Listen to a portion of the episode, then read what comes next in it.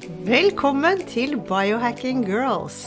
Podden for deg som ønsker en reell helseboost. Vi holder oss oppdaterte på siste nytt innen helseforskning og tester ulike dietter, fitnesstrender og mentale teknikker. Ja, bli med oss på en spennende reise der målet er å lære hvordan din kropp kan heales, hvordan du kan aldres i revers, og hvordan intuisjonen din kan styrkes, så du tør å stole på egne helsevalg. Har jeg fortalt om broren min Anders? Han, han har nemlig reist mye og dratt med seg mange forskjellige parasitter hjem.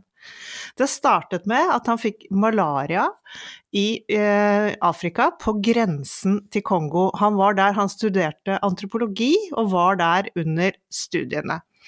Eh, det var noe av det verste han hadde opplevd. Vi hørte ingenting. Han lå i en eh, jordhytte med indianere og trodde hans siste time var kommet.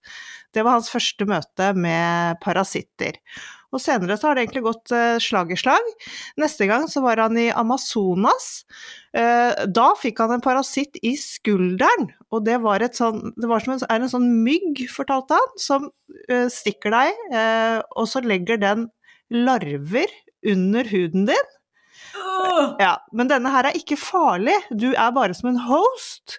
Han sa det var veldig ubehagelig, men der lærte han av indianerne i skogen å legge en kjøttbit utenpå det såret da, for det klør og det iser og den spiser huden din. Så han la en kjøttbit på den, så når han kom hjem til Norge da, så kom han med en sånn fleskebit klistret til skulderen, og ut kom denne larven. Og så var det siste gangen han tok med seg, da var det faktisk en kjøttetende parasitt hjem. Da hadde han igjen vært i Amazonas. Og denne mener han han fikk av en sånn sandflue som stakk han da på leggen. For han kom hjem med et sånn skikkelig åpent sår, og denne typen heter leishmaniasis som, eh, som, som, er en kjent eh, parasitt som er lett å få i sånne steder. Men den, de norske legene de visste egentlig De skjønte ingenting. Eh, så de drev og transplanterte hud, hud, over dette da åpne såret, og det ble jo bare spist opp. Inntil han endelig fikk riktig medisin. Og ja, så det, det var mye parasitter på han. Du, dette er en helt vanvittig historie. Du har faktisk delt litt av det, men ikke så inngående før av dette. Altså, jeg ja, hva skal jeg si? Eh, jeg får reaksjoner nesten fysiske, og jeg vet at eh, vi begge elsker å reise, men vi har jo ikke lyst til å ha den driten der. Så, så, jeg tror vi skal introdusere din bror til vår gjest i denne episoden, som skal handle litt om sånne ting. Men, men det er jo litt verre enn skrekkfilmer, og jeg husker det eneste jeg har av den type liksom skrekkhistorier, var en kollega av min mor da, som eh, hadde de mye til Thailand og kom hjem til Norge, og så satt hun på do en dag, og så ropte til mannen sin 'kom og se', og da kom det altså en svær slange ut i do. Nei, det, det er ikke mulig. Jo, altså det er helt sant. Uh, og hun hylte, hun besvimte faktisk. Ja, det var det, hun besvimte. Uh, så jeg, jeg får virkelig sånn kuldne gysninger nedover hele kroppen. Men hvordan er det faktisk mulig at sånne type kryp kan vokse inn i oss? Hvor kommer de fra? Hvor kommer de inn? Vet du hva, jeg orker nesten ikke tenke på det engang. Eh, dette er faktisk det er så ekkelt at jeg nesten syns det er litt deilig å snakke om, hvis du skjønner. Men, men det fins faktisk mange ekle småting også, sånne små kryp og parasitter som vi er omgitt av og har inni oss. Disse ekle mikrobene. Det er jo noe av det vi skal snakke om i dag, da. Mm. Ja, for det, i dag har vi med oss eh, Eva Andersson, og hun har vært med tidligere på podkasten vår. Hun, hun, er helhetsterapeut, og hun er vel kanskje ekspert på mikrober og bakterier og alt mulig som vokser i kroppen vår. Og sist så snakket vi jo om microbiome, så det var en utrolig spennende episode. Eh, så i dag så skal vi touche innom de ekleste tingene, men òg myggsopp og parasitter som vi snakket om, bakterier og kanskje candida og litt sånne rare ting som skjer med oss hvis vi drar til Syden. Velkommen til Biohacking Girls podcast. Hei Eva, og velkommen til deg. Så hyggelig å ha deg med på Biohacking Girls-podkasten igjen. Ja, Tusen takk, kjempegøy å få være med. Ja, veldig, veldig gøy. Og i dag så skal vi snakke om parasitter. og ting som eh, er i- nedi dette tarmsystemet vårt. Men vi begynner eh, på toppen. Hva er egentlig en parasitt? En parasitt er et levende vesen som er i oss og tar næringsstoffer fra oss uten nødvendigvis å gi oss så mye tilbake. Ja, enkelt og greit. Det kan være, ja, det kan være alt fra bitte små encellede, noe som heter protozoer, som er små encellede amøber, helt opp til mange meter lange bendelormer. Nettopp. Så det betyr at en bendelorm, som var neste spørsmål, det er òg en parasitt. Ja, det er også en parasitt. Men hvor, hvor kommer disse fra? Hvor finnes de? Jeg pleier å si litt sånn halvveis på fleip, men egentlig fullt alvor, at det er ikke noe problem å unngå parasitter. Det er bare å slutte å spise, og slutte å drikke, og slutte å puste. Og alle vi andre renser opp en gang iblant. Men det er ikke alle parasitter som er eh, farlige. Det er ikke alle, alle som gjør noe vi har i, nedi der. Nei, altså vi har nok alle sammen ganske mye parasitter. Høres ganske ekkelt ut kanskje, men det er ikke så gærent. Og mange har nok også en funksjon fordi at de holder immunforsvaret vårt litt grann på tå hev. Men dessverre så er det hvis vi har et dårlig miljø i kroppen, og det er sånn naturen fungerer, at parasitter og sopp de kommer når ting stagnerer. Altså når vi har et dårlig miljø, når vi har masse avfallsstoffer, masse toksiner, da syns parasitten det er veldig gøy å være der. Men vi innledet eh, før du koblet deg på med å snakke litt om Alettes bror som har vært utsatt for eh, de litt mer ekstreme variantene, da. Og vi har jo òg hørt historier med sånn 18 meter lange bendelormer. Dette er kanskje litt utenom normalen, men hva vil du dele av oss som både skremmende og beroligende? Ja, kanskje mer skremmende. Ja. Nei, jeg har jo mange historier rundt dette her. Jeg kan jo ta et eksempel med en kar som eh, testet på parasitter hos meg, og jeg satte den på en kur. Og han kom tilbake neste gang og fortalte om denne her ja, 25-30 cm ormen som kom ut. Så jeg spurte jo hva han syntes om den, om han syntes at det var ekkelt, og da mente han nei, vet du hva, det var ikke så gærent det. En kamerat av faren min har Norden-rekorden, den var åtte meter, og den kom ut av øyet.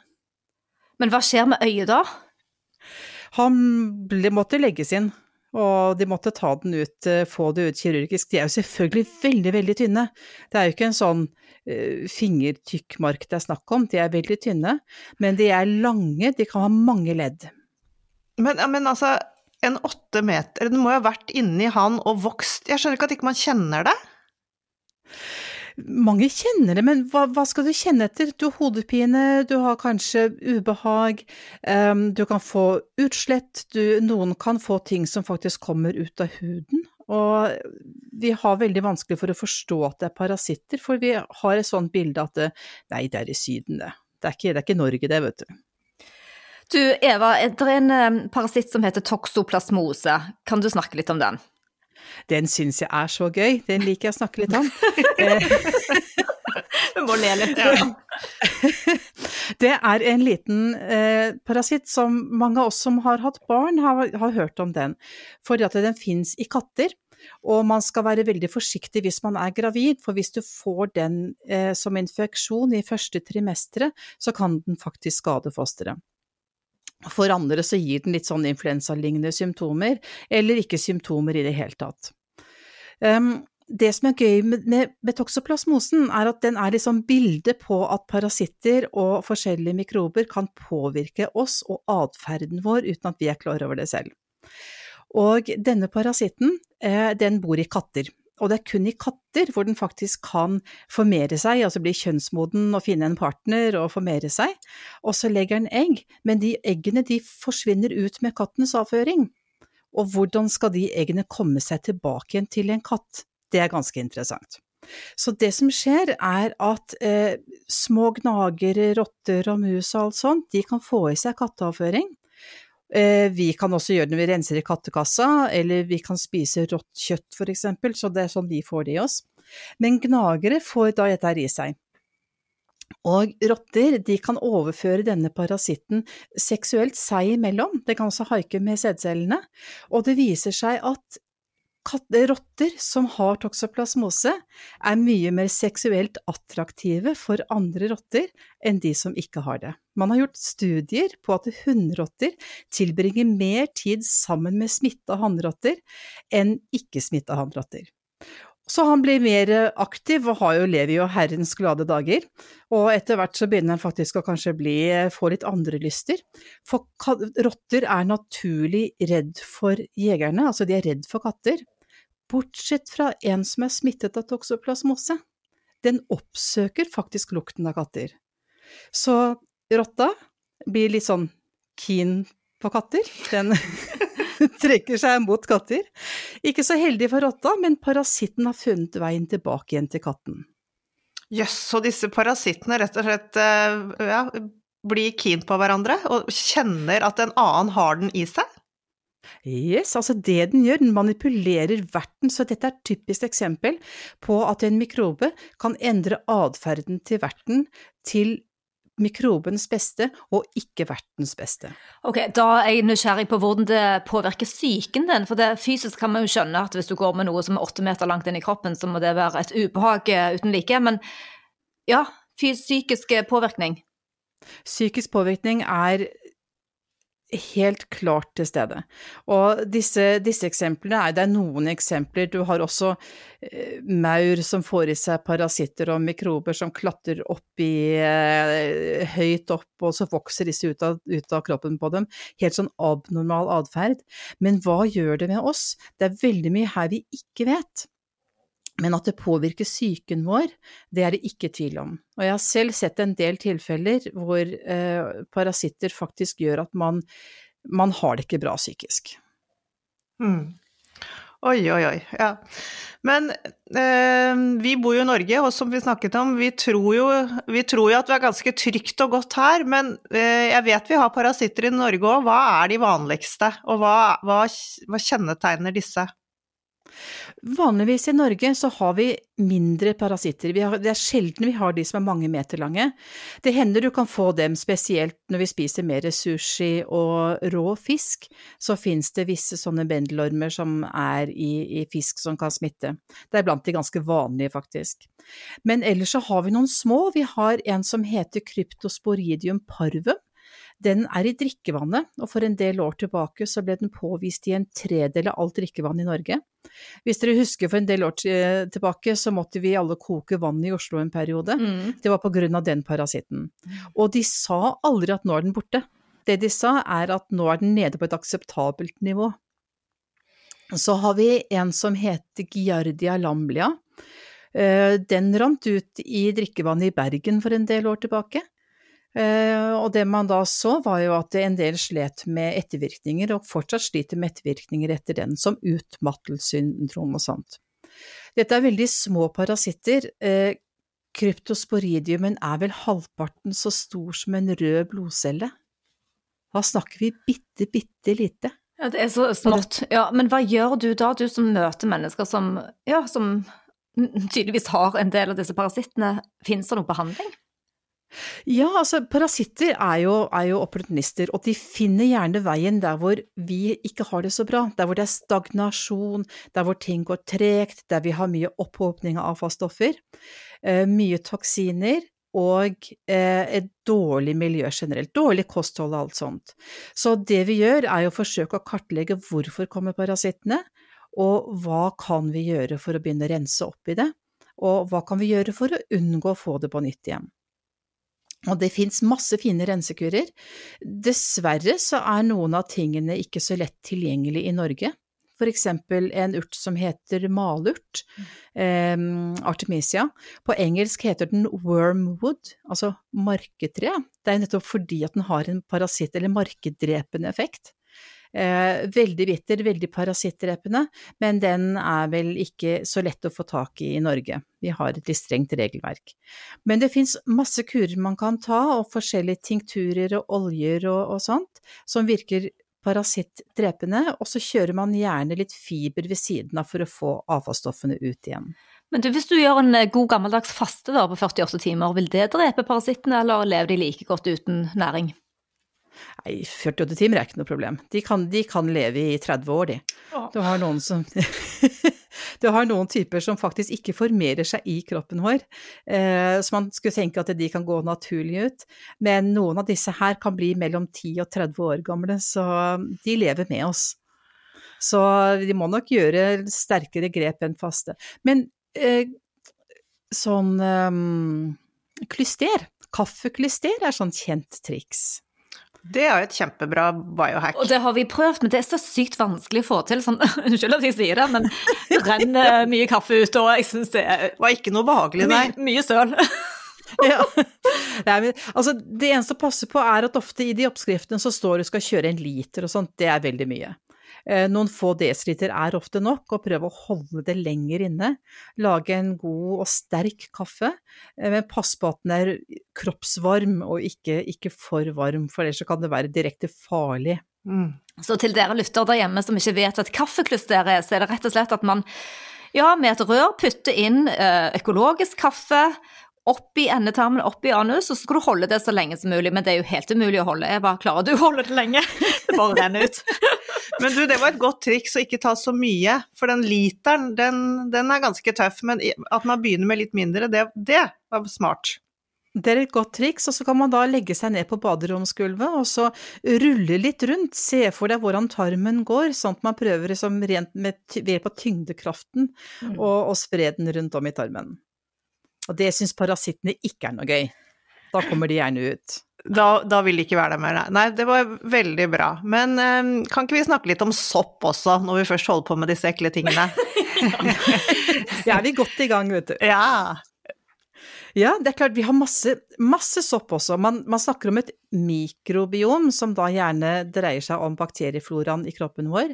Så har vi et mykobiom, altså mykop står for sopp, som også da er soppene våre. Og vi har mange sopper som er naturlig å ha i kroppen, men ofte så får vi litt for mange av soppene, og de kan være i en form som ikke er så bra for oss, og de kan være steder som ikke er så bra for oss.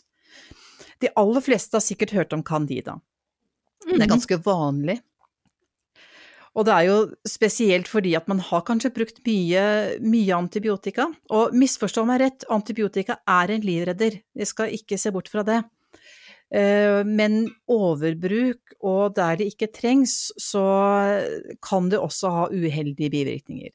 En dreper det masse av de naturlige bakteriene vi har som beskyttelse, og da kommer det ting som sopp og også parasitter som syns det er fryktelig gøy å være der. Og kanskje spesielt hvis vi spiser mye søtt òg, da, vet du.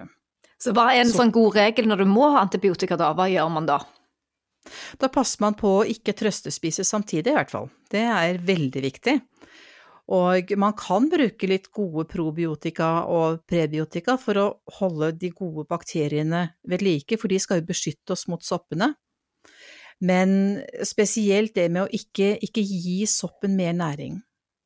Det er viktig. Og soppen får næring over, da? Karbo. Ja. Så det er vi, alt, alt det fine og hvite. Litt sukker og hvitt mel og loff og boller og gjærbakst og brus og alle sånne ting som en gjerne trøstespiser seg litt med når man er syk. Det er en ganske dårlig idé, faktisk. Men øh, hva, hva gjør vi for å bli kvitt denne soppen da? Slutter med karbo, eller? Ja, det er det aller beste, så en må jo se litt på hvorfor den får lov til å være i kroppen. Så kosthold er punkt nummer én, og så finnes det mange forskjellige midler eh, som man kan jobbe med for å bli kvitt sopp. Og først så må man finne ut har jeg sopp, og hvilke typer sopp har jeg i så fall, for du har jo noen vanlige symptomer som underlivskløe eksempel, utflod, lukt. Men det kan også være symptomer som oppblåst i magen, for disse soppene de gjærer. Um, Tåkehjerne for eksempel.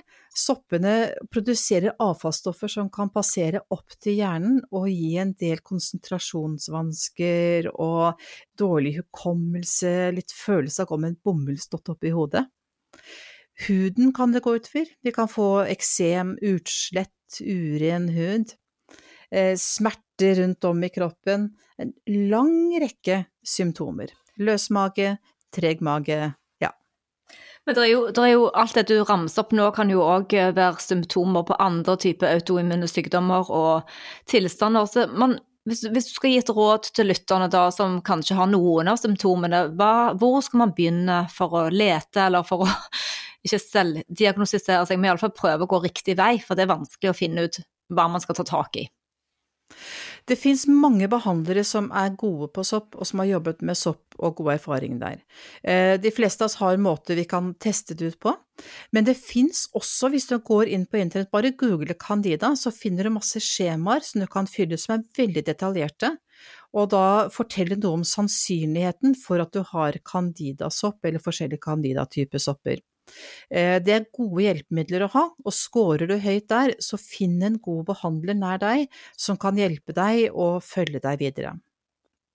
Men hvilke andre symptomer kan det være på hvis man da tenker det litt større spekter, ikke bare candida, men òg med parasitt, er det det at man får hodepine eller føler seg syk? Altså, jeg tenker på de første henvendelsene man tar til en fag, til en helsepersonell, da. Det er mange av symptomene overlapper, det er derfor det er veldig vanskelig å ta ting bare på symptomer. Så så du nevnte dette med, med uh, autoimmune sykdommer, en kan ha stoffskiftesykdommer som kan gi lignende symptomer. Du kan, være, du kan leve i et giftig miljø, for eksempel, ha mye toksiner. Det kan være muggsopper, det kan også gi mye tilsvarende symptomer. Men hvis du tenker litt på mage, tarm, eh, hud, konsentrasjon, slim. Se om du har belegg på tungen, for eksempel. Eh, kjenn om du klør mye i øynene, om du har mye slim fra nesen uten at du er forkjølet. Alle sånne typer ting kan indikere at det kan være noe sopp.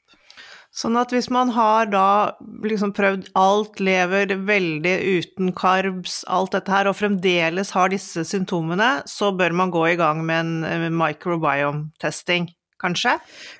Det kan også være lurt å gjøre, og heldigvis ut ifra de så mange som lever keto og lavkarbo, så har sopp blitt et mindre problem. Vi er mye flinkere til å være bevisst på dette med sukker og sukkerholdig og karboholdig mat.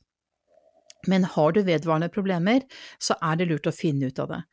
Og det kan være en parasitt også, for eksempel. Mange av parasittene gir lignende symptomer som soppene. Hva, hva er egentlig forskjellen på muggsopp og en parasitt, candida, hva, hva er forskjellene her? Det er forskjellige typer vesener, rett og slett. De er forskjellige familier og forskjellige vesener. Så eh, Candida er en stor familie med sopp. Da jeg studerte tilbake i 80-årene, begynner å bli en stund siden, så var man ikke så klar over det. Det var kanskje noen få Candida vi snakket om. Sist jeg sjekket nå, var det vel 152 forskjellige typer som er identifisert. Eh, så man forsker stadig på det. Men så har du helt andre familiesopp, sånn type muggsopper, og du har um, sånn hussopp for eksempel, som igjen kan være med å skille sporer ut i luften som vi puster inn, og som da kan lage et problem med slimhinnene våre. Uh, og parasitter er en helt annen andre vesener, en helt annen familieliv.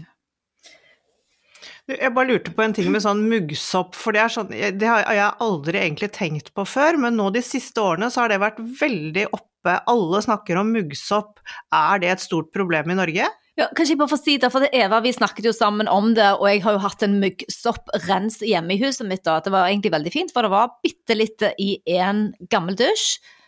Og det var lite utslag, men allikevel er det et par fliser som må tas opp. Så, så, så, det har jeg faktisk undersøkt. Det var litt dyrt uh, å få gjort det, men, men, vi er jo glad for det, da. Men, men godt spørsmål, Alette. Jeg er nysgjerrig, jeg òg.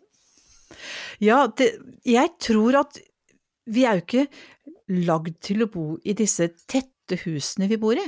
Hvis man ser på byggeforskrifter som er nå, jeg banner helt sikkert i kirken når jeg kritiserer det, men jeg har tro på at litt gamle hus og litt trekk og litt luftflyt gjør at vi får et mye bedre innemiljø. Så når vi nå bygger hus som er helt tette, og alt skal styres gjennom et mekanisk ventilasjonsanlegg, så tror jeg at det gjør noe med innemiljøet vårt. Og muggsopper, når det kom, fuktighet kommer inn og får lov til å være på en stund, så kan det danne seg muggsopper, og det setter seg i materialer. Um, se etter hvis du sliter med dette her. Bruk nesen, lukt. Bruk øynene, se langs kanter, se om det danner seg kondens på vinduene for eksempel, om det er små svarte prikker i fugene i dusjen.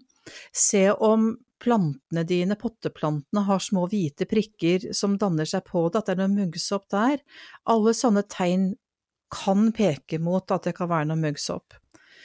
Og de gamle, gode husene, selvfølgelig fuktige kjellere har vi alle vært borti, der, der er det jo ofte muggsopp. Men hus som er trekkfulle og luftige, kan ofte være mye tørrere. Interessant, fordi at eh, jeg bor i et gammelt hus, og hun var også oppe på loftet, og hun sa at veldig ofte så er det der de finner mest eh, oppe på gamle loft, men hos oss var det mm. helt supertørt, så det var jo veldig, veldig fint. Ja, det er kjempefint. Du, lurer, vi lurer på noe annet òg. Dette med salmonella, spist kylling i Syden, eller kamp, kampylobakter, kamperlybakter, er det den heter? Kam, kampylobakter. Ja, kampylobakter. De bakteriene der, de, også, de gir jo veldig mye diaré og sykdom. Hvordan er status på det i verden, eller i, i alle fall i Europa, da, akkurat nå? Det, akkurat nå tør jeg ikke si sikkert, for vi, vi, har jo ikke reist noe særlig de siste årene, så vi har ikke fått så mye rapporter der. Men salmonella er jo ganske utbredt, ikke så mye i Norge, vi er ganske heldige der. Men skal du ut og reise til Syden, hvis det blir frislipp på reisingen igjen snart, så vær forsiktig med noen ting. Egg for eksempel, pass på at de er gjennomkokte fordi at salmonella kan, kan komme fra eh, hønsekjøtt, kylling og til eggene. Kjøtt, pass på at det, kyllingen er stekt helt inn til benet, at ikke det er rosa inn ved benet eksempel.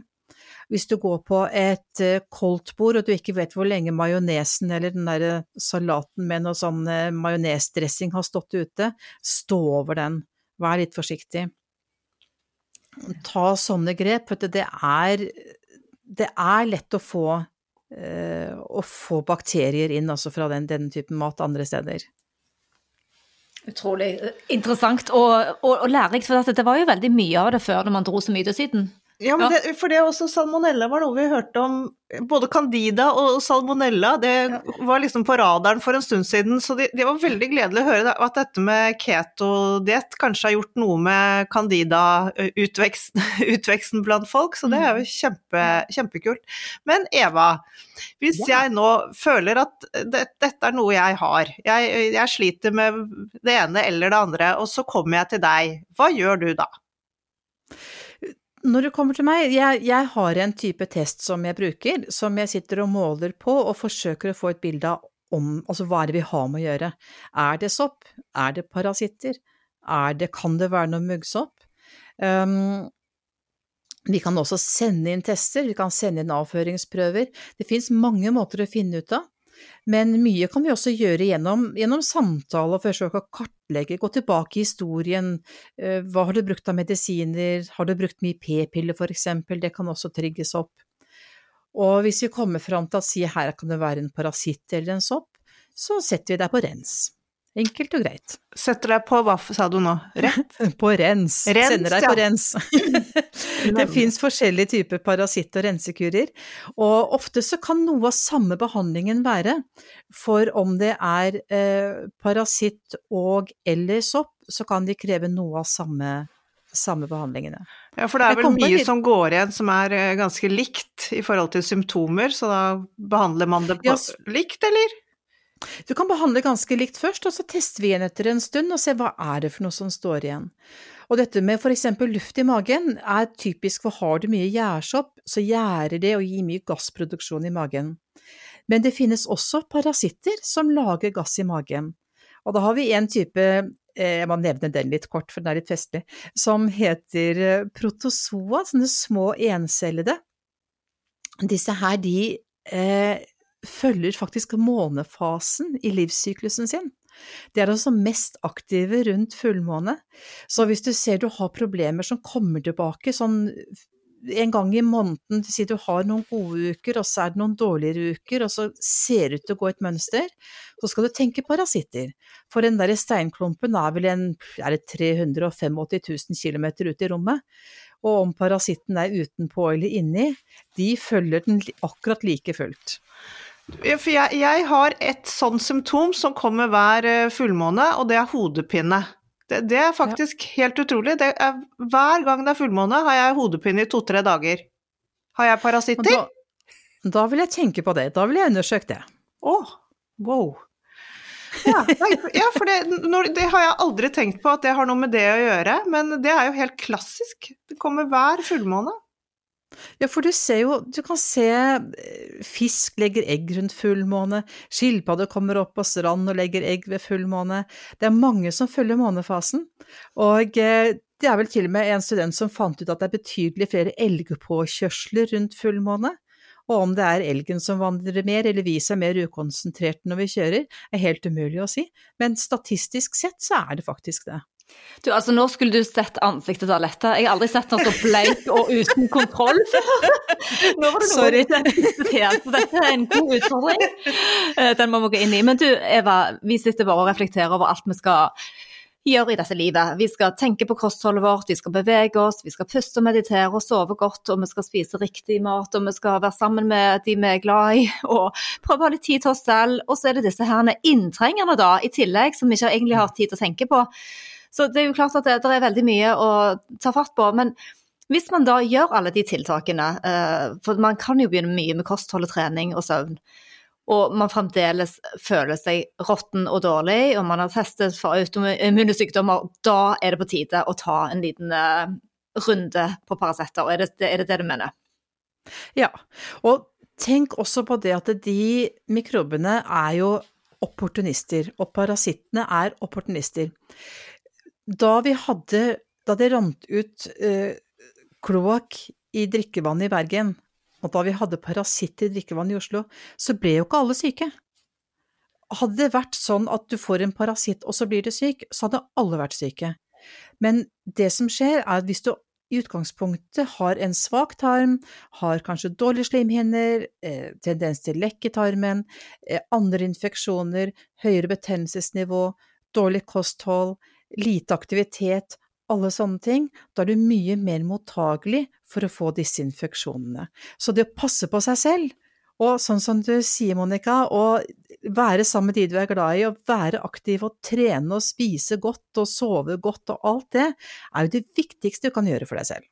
Men du, det er så fint at du sier Jeg har gjort et par tiltak så jeg bare prøver å automatisere når jeg går på restaurant og jeg skal spise laks, en sashimi. Så spør jeg om den har vært frosset. Altså, uansett så prøver jeg ikke å spise rå fisk som ikke har vært i fryseren, og det samme egentlig med sånn kjøttpålegg. Er det andre sånn type tips når man er ute og enten handler eller drar på restaurant? Jeg tenker drikkevann, blant annet. Jeg drikker ikke vann fra springen. Eh, jeg har alltid renset vann, fordi at jeg har sett kvaliteten på drikkevannet, og jeg vet at det ikke er spesielt bra. Hjelp. Så det er en ting som jeg tenker Hvordan, hvordan renser du? Hvordan, hjelp, hjelp, ja! Hvordan, hva, hva, hva, hva, gjør vi? Skal vi koke vannet? Altså, det finnes mange gode vannrensere, men å starte med å koke vannet er en god idé, for da vil det iallfall drepe det som kan være av parasitter der. Og så er det ikke så dyrt?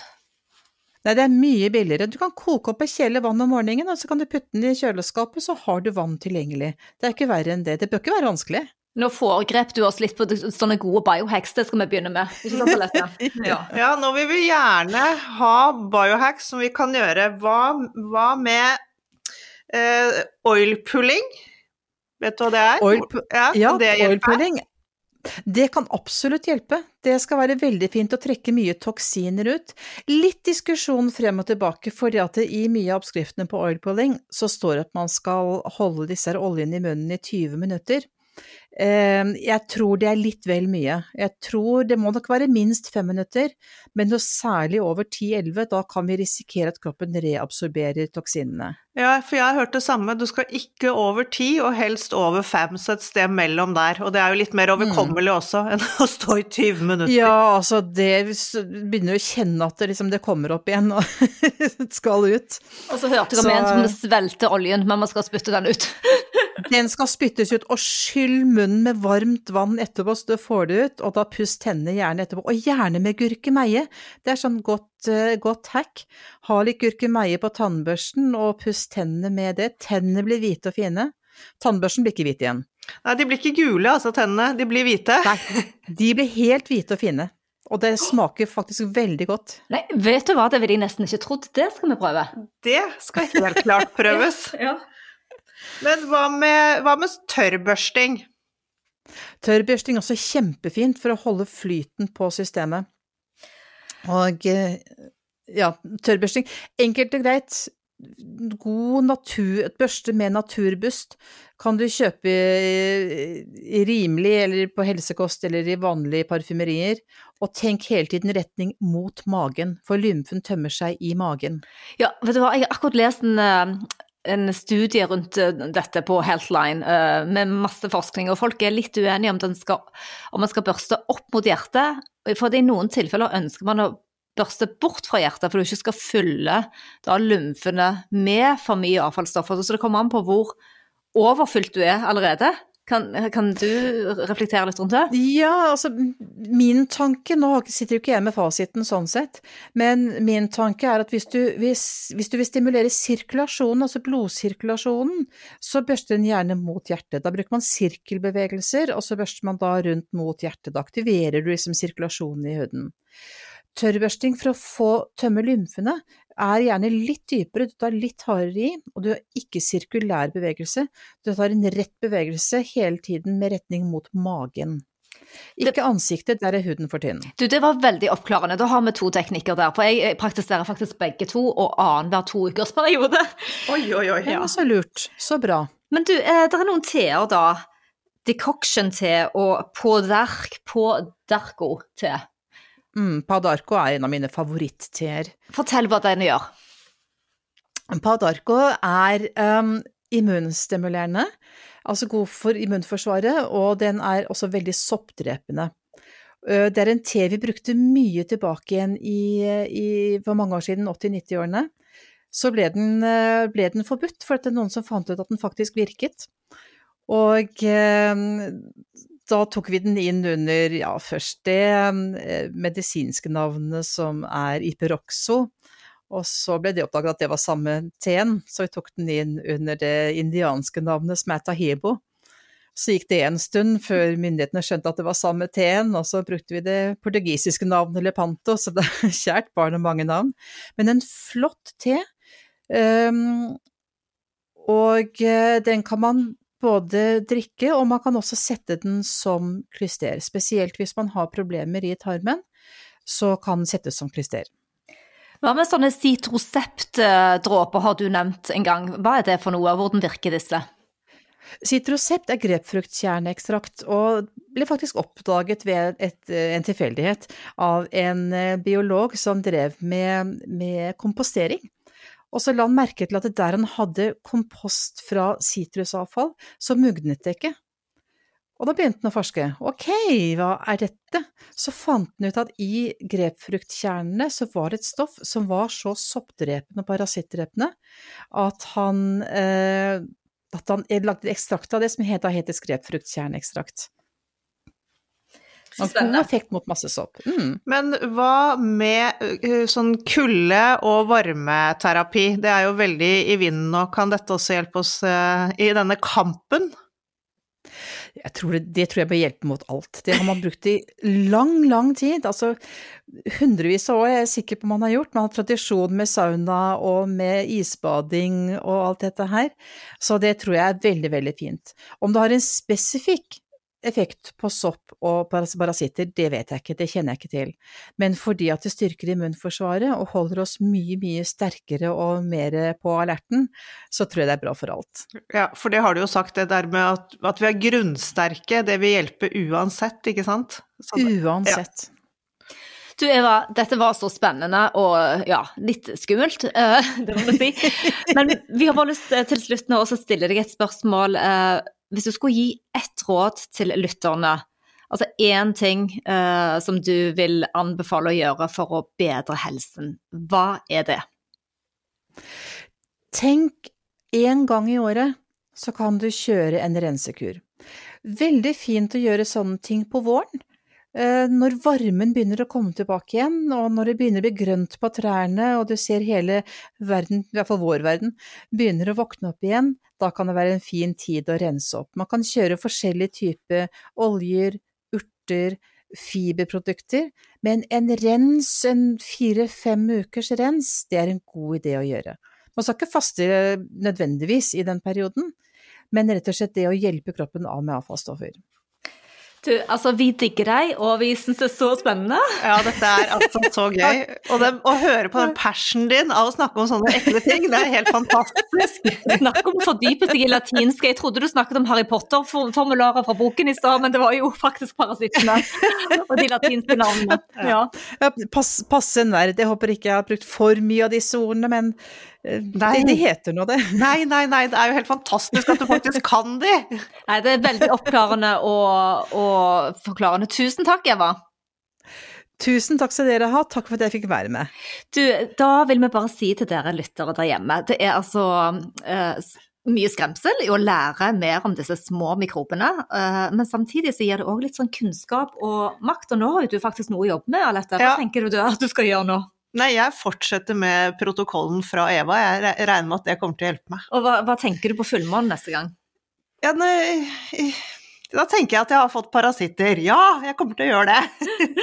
det er ikke sikkert det er så skremmende, for det er jo Nei, det. kunnskap er jo ja, makt, ikke sant? Det, det er det. Så vi skal legge, som, som vi pleier å gjøre, litt shownotes under hvor du kan få tak i Eva Andersson. Og hvis du er interessert i å lære mer eller ha en konsultasjon med henne, så finner du link under så håper vi at dere der hjemme nå ikke blir altfor skremt, men tar med de gode bioheksene. Ja, ikke, ikke, bare struts dette her, men ta, ta, ta litt grep. Skal vi ta oss og pusse tennene med gurkemeie nå, da? Ja, det skal vi. Vi får melde inn resultatet. ja. Takk for nå, dere. Happy biohacking. biohacking.